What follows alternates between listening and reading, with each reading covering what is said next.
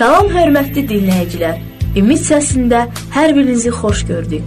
Bugünkü verilişimiz hər zaman aktual olan bütpərəstlik mövzusuna aiddir.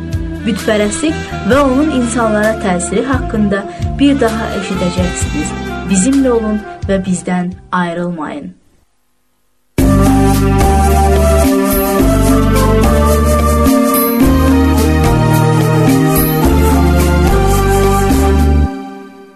Yəhya qardaş, bugünkü e, söhbətimiz bu gün çox aktual olan e, bir söhbətdir. Bugünkü mövzumuz bütlər və bütpərəstlik haqqındadır. Ümumiyyətlə siz bu bütpərəstlik haqqında nə deyə bilərdiniz bizə? Bütpərəstlik haqqında mən deyə bilərəm ki, bütpərəstlik həmişə bütün e, dinlərdə e, mübarizə sualıdır. Yəni ki, İbrahim peyğəmbərin vaxtından tutmuş biz oxuyuruq, bilirik. Nə zaman ki Allah dəvət eləyibdi İbrahim peyğəmbəri e, çıxsın öz ölkəsindən, öz atası evindən və getsin Allah göstərdiyi yerə və onun peyğəmbəri olsun. İlk növbədə İbrahim peyğəmbər getdi və öz atasının evində olan o bütü dağıtdı, qırdı. Ondan sonra diri Allaha ibadət elədi. Və biz görürük ki, e, yəni Məhəmməd peyğəmbərin vaxtında da bütpərəstlərlə e, böyük bir e, deyək belə bir döyüş aparıldı. Məhəmməd peyğəmbər bütlərə qarşı təbliğ eləyirdi, onlarla mübarizə aparırdı, diri Allaha ibadət eləməyə çağırırdı. Yəni bu sual e, böyük bir yer tuturdu bütün müqəddəs kitablarda. Mən müqəddəs kitaba toxunmaq istəyərdim bu haqqda. Müqəddəs kitab bütpərəstlik haqqında nə deyir? Müqəddəs kitab bütpərəstliyə qarşı çıxır və Allah orada göstərir ki, yalnız Allaha, yaradıcıya ibadət eləmək lazım və heç nəyə ondan başqa, nə günəşə, nə aya, nə ulduzlara, nə ağaclara, nə daşlara, nə insana, nə heyvanlara, heç nəyə ibadət eləmək olmaz. Yəni bunu Allah öz əmrində bizə açıq deyir. İnsan e, hansı hallarda bütpərəstliyə meyl göstərir? Hansı hallarda meyillik göstərir? E, ümumiyyətlə insanların ürəyində bir boş yer var. Bir yer var ki, e, o yeri Allah ancaq tutmalıdır. Və onda elə bir ehtiyac var. Bir hiss var ki, e, insan ə, nəyəsə, kiməsə ibadət eləməlidir, səcdə qılmalıdır, ibadət etməlidir və o da Allahdır, onun yaradıcısı. Nə zaman ki insan Allaha ibadət etmirsə, demək o yeri başqa bir obyekt tutur. O ola bilər heyvan, olur, olur insan, nə bilim qızıl və başqa bir şeylər. Mən yenə müqəddəs kitaba qayıtmaq istəyərdim. Biz e, baxanda müqəddəs kitaba e, o zamanları görürük, hansı ki o zamanlar baş verən hadisələr. Biz görürük müqəddəs kitabda çox yerlərdə e, o zaman bütpərəstliyə meyllik çox idi. Bu görünür. İnsanlar sitayiş edirdilər. İnan, inanan, inanc yerləri büt, bütlər idi. Gəlin baxaq indiki bu yaşadığımız vaxta, bu zamana o vaxtla indiki vaxtımızda hansı fərqlər var? Gəlin müqayisə edək bu vaxtda. İndi çoxdur, daha yoxsa azdır? Yəni mən e, deyə bilərəm ki, bütpərəstliyə meyllilik insanlarda həmişə çox olub. O vaxtı e, insanlar bilməməzlikdən, cahilliyə görə, yəni o şimşək çaxanda fikirləşirdilər ki, bu şimşəyin Allahı var. Yağış yağanda deyirdilər ki, yağışın Allahı var. Nə bilim, günəşin Allahı var və s. və s. Çünki e, onlar yəqin ki, müqəddəs kitablardan xəbəri yox idi və bilmirdilər və eləcə də dini insanlar, dindar insanlarda bütlərə meylliliyi var idi. O da ondan irəli gəlirdi ki, onlar Allahın əmrlərinə zidd çıxırdılar. Allahdan uzaqlaşırdılar e, insanlar fikirlərinin dalınca gedirdilər və hansısa bir şəxslər özlərini bəzi vaxtlarda Allah yerinə qoyurdu. Yəni bu görsənir bəzi kilsələrdə, nə bilim insanlar gedib e, Allahdan yox, insandan e, bağışlanmaq istəyir. Hansısa bir kahinmi ya başqası bir e, insanlara onların günahlarını əfv edir Amma müqəddəs kitablarda gö göstərilir ki, ancaq Allah layiqdir ibadətə, səcdəyə E, eləcə də ancaq Allah günahlarımızı bağışlaya bilər. Çox maraqlıdır. Mənim üçün belə bir sual e, e, məndə yaranır. Bu insan insanlar ümumiyyətlə həmişə e, çalışıblar bütlər düzəltməyə. Hans, hər hansısa bir metaldan, e, dəmirdən, misdən, hətta qızıldan çox istifadə edirlər.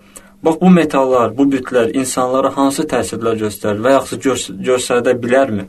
Bilirsiniz, e, nə təsir göstərə bilər e, insanlara e, cansız bir əşya Bilirsiniz, Allah müqəddəs kitabda hətta belə bir insanlara qarşı elə bir insan gedir meşədən palıd ağacı, şam ağacı kəsir, onu doğrayır, onunla peçi yan, sobanı yandırır, isinir, onunla hörək bişirir, yeyir. Hə, ondan sonra da götürür, ondan bir büt düzəldir, qoyur qabağına və başlayır ona səcdə qılmağa. Deyir ki, Yəni sənsən mənim Allahım, sən məni isitdin, sən mənə yemək verdin. Əslində insan fikirləşmir ki, ə, e, onu yaradan Allahdır. O büt nə verə bilər axı? O cansızdır. Yəni o bir taxta bir hiss, bir taxta hissəsidir, ya bir daşdır. Nə ala bilər ondan? Yəni o doğrudan da yəni necə deyim də bir ağılsızlıqdır. Yəni ki Allahsız insan qalanda əlbəttə ki, gedir başqa bir nəyəsə başlayır səcdə etməyə. Bu da böyük bir ağılsızlıqdır. Biz müqəddəs kitaba baxanda Yahya qardaş, biz görürük o, e, o zamanlar insanlar e, hər hansısa bir e, formada büt düzəldirdilər. Hər hansısa bir ə, forma, heykəl şəklində mi, hansısa bir heyvana oxşar şəkildə. Bax indiki bu zamanədə o bütlərin hansı formaları var və insanlar hansı e, formalardan istifadə edirlər özlərinə daha büt kimi. Bu barədə istəyərdim söhbət eləyəsiz bizə. Hı -hı. Yəni ki, bütlərin e, formaları dəyişə bilər. E, ola bilsin ki, o vaxtı e, indiki zamanəki kimi, yəni bütlər yox idi də. Amma indi nə ola bilər? Yeni etmələrin bütləri ola bilər, onların geyimləri, və yaxud da onların avtomobilləri və yaxud da bahalı e, e, əl telefonları, ondan sonra dostları, ha, qazancdır, insanlar üçün ola bilər var dövlətdir, karyerasıdır, onun işidir. Bu e, ürəyini onlara bağlayırsa, demək bu onların bütüdür. E, İsa peyğəmbər bu yerdə olanda bir e, yaxşı bir söz demişdir. İnsanın var dövləti hardadısa, onun ürəyi də orada. Yəni ki, bizim hər bir insanların e, o dəyərlər sistemi var. E, üstün nəyi qoyuruqsa, demək biz onu Allahın yerinə qoyuruq. Amma biz bilirik ki, yəni ilk və birinci yerdə, müqəddəs yerdə olmalıdır Allah, bizim yaradıcımız. Ondan sonra bizim e, yəni ki, e, ailəmiz durmalıdır ki, biz onlara xidmət etməliyik. E, ondan sonra da başqa insanlar, cəmiyyət, ehtiyacı olan insanlar. Amma e, formalar e, cürə-bəcürə ola bilər. Çünki İbrahim peyğəmbər də o vaxtı o fikirləşmirdi ki, ə, onun oğlu da onun üçün məsələn ə, ola bilər ki, Allahın yerini tutsun. Amma Allah ona dedi ki, get öz oğlunu məndən ötəri mənim üçün qurban gətir kəs. Və e, Allah sınayırdı İbrahim peyğəmbəri. Görsün ki, o kimi daha çox istəyir, kimi daha çox sevir. Öz oğlunu yoxsa Allahını. Və İbrahim peyğəmbər bu sınaqdan çox gözəl çıxdı. O Allaha görə hazır idi öz oğlunu da qurban gətirsin. Və burada göstərdi, Allah göstərdi doğrudan da İbrahim peyğəmbərin böyük bir inamını ona qarşı, böyük bir sevgisini. Siz çox maraqlı söhbət edirsiniz Yəhya qardaş. E, mən uşaqlığım yadıma düşdü. Hansı ki biz e, öz ailəmizlə, qonşularımızla e, müqəddəs bir yer adlanan ziyarətgaha getdik və orada bir daş var idi. E, deməli hər bir insan o daşdan e, orada öpüb keçməli idi. Və mən e, balaca olduğum halda e, o daşın yanından düz keçdim və qonşumuz mənə belə bir e, sual verir ki, bəs sən niyə öpmədin o daşı? Məni çox maraqlandırdı. Çünki mən ona ə, cavabında belə dedim ki, axı bu cansız bir ə, cansız bir metaldır. Daşda bir, nəyə görə mən bunu öpməliyəm? O mənə dedi, ə, belə bir cavab ə, verdi ki, bu bizim ata-baba qanunumuzdur. Bax mən toxunmaq istəyərdim bu dəqiqə bu ata-baba qanununa ki, o vaxtları bunlar olub və indiki zamanda biz bunları etməliyik, yoxsa bunlar məcbur deyil. Yoxsa biz insanların öz seçimi var. Bu barədə bizə açıqlayardınız bir balaca. Siz Qurani-Kərimdə e, Kərimdə çox gözəl bir misal gətirilir. Orda insanlar gəlib e, Məhəmməd peyğəmbərdən soruşur ki, əgər bizim atalarımız və babalarımız ayrı yolla gediblərsə, onda biz nə edək? Və Məhəmməd peyğəmbər də onlara qarşılıqlı bir sual verir. Əgər deyir, sizin atalarınız, sizin babalarınız günah işlədibsə, siz də mi o günahları işlədəcəksiniz? Onda ona cavab veriblər ki, yox. Beləliklə, yəni hərəmiz biz özümüz cavabdeh oluruq Allahın qarşısında bizim həyatımız üçün. Və əgər kimsə günah işlədibsə, biz onların günahlarından e, günahları üçün cavab verməyəcəyik və onların yolundan getməməliyik. Biz Allahı seçməliyik, Allahın qanunlarını üstün tutmalıyıq və Allahın yolundan getməliyik. Deməli Allah hər birimizə sağlam şuur düşüncə verib, ağıl verib. Biz e, yaxşını pisi seçirik. Minnətdarıq Allahımıza Bəli. və e, bu gün bu bizim cəmiyyətə bütlər necə təsir göstərir?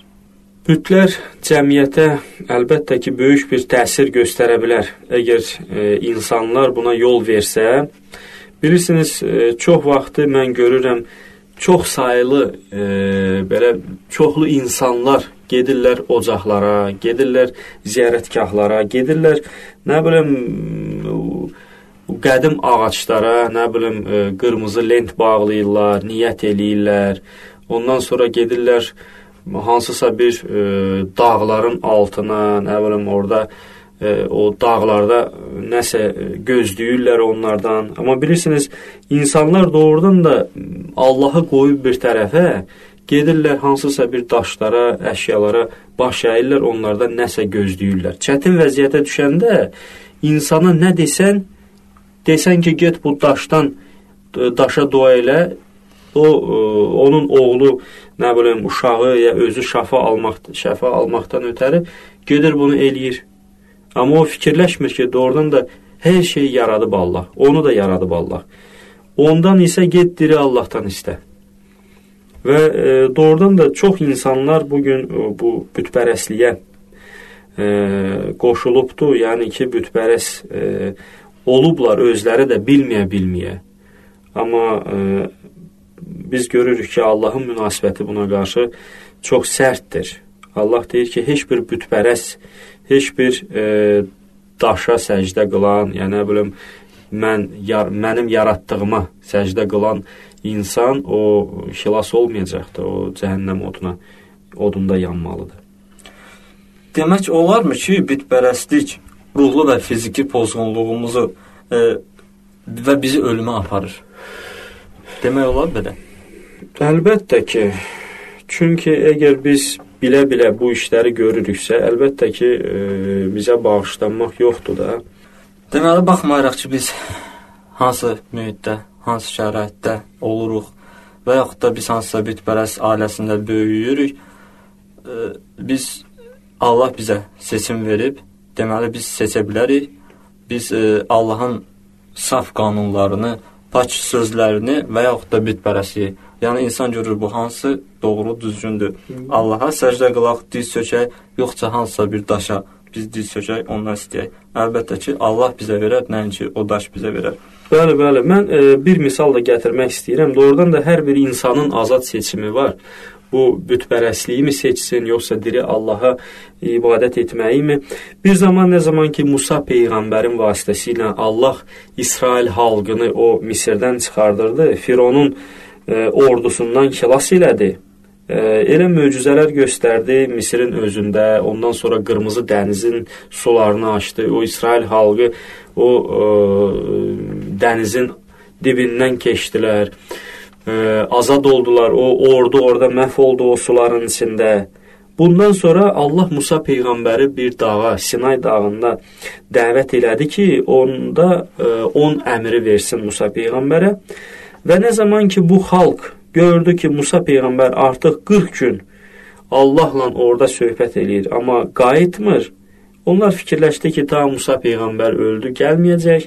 Gəlin biz özümüzə bir Allah düzəldək. Onlar qızıllarını çıxardı. Orada bir qızıl dana düzəltdilər, özlərinə büt elədilər və əstəğfurullah dedilər ki, budur bizim Allahımız. Bu bizi e, Misirdən xilas elədi, çıxartdı. Amma e, onlar unutmuşdular bu möcüzələri. Çox maraqlıdır ki, onlar tez unutdular. Allah onlara nə eləmişdir. Və e, onlar bu danaya, bu bütə baş əydilər. Amma Musa peyğəmbər gəlib soruşdu ki, hamı mı baş əydi?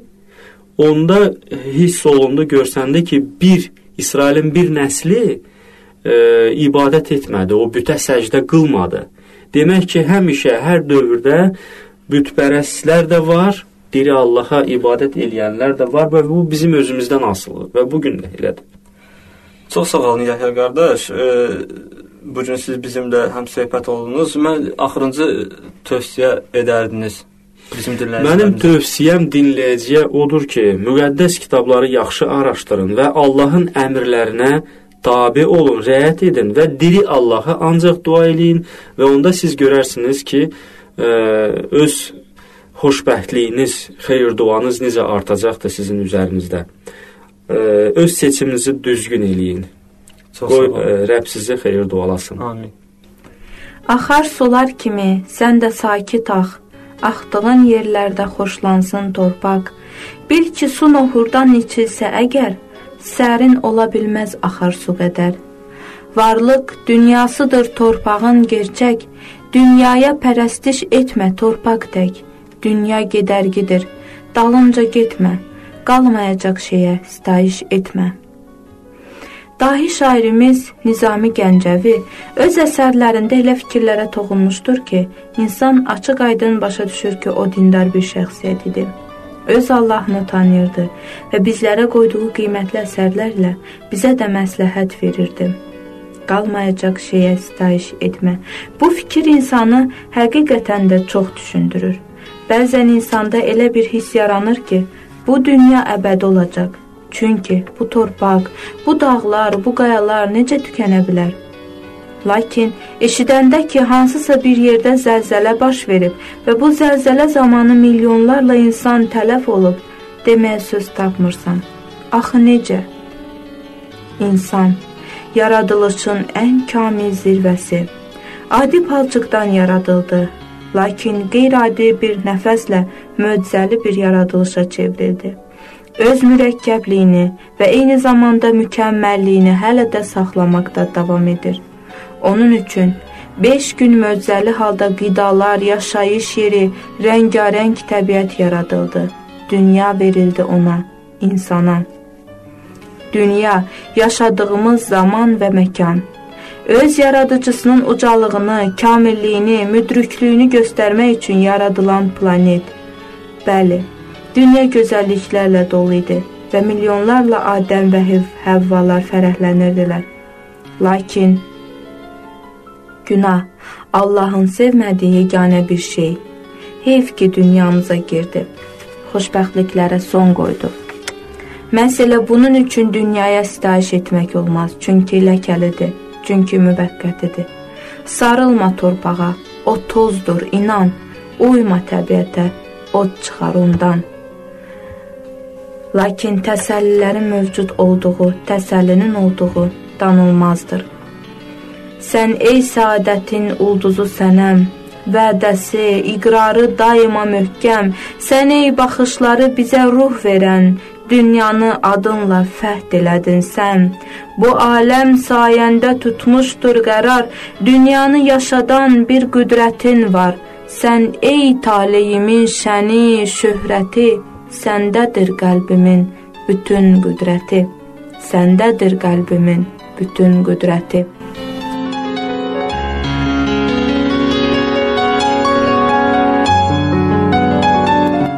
Bununla da verilişimiz sona çatdı. Bu vaxtda bizimlə olduğunuza görə sizə minnətdarıq. Gələn görüşlərə dək sağ olun, Allahla qalın.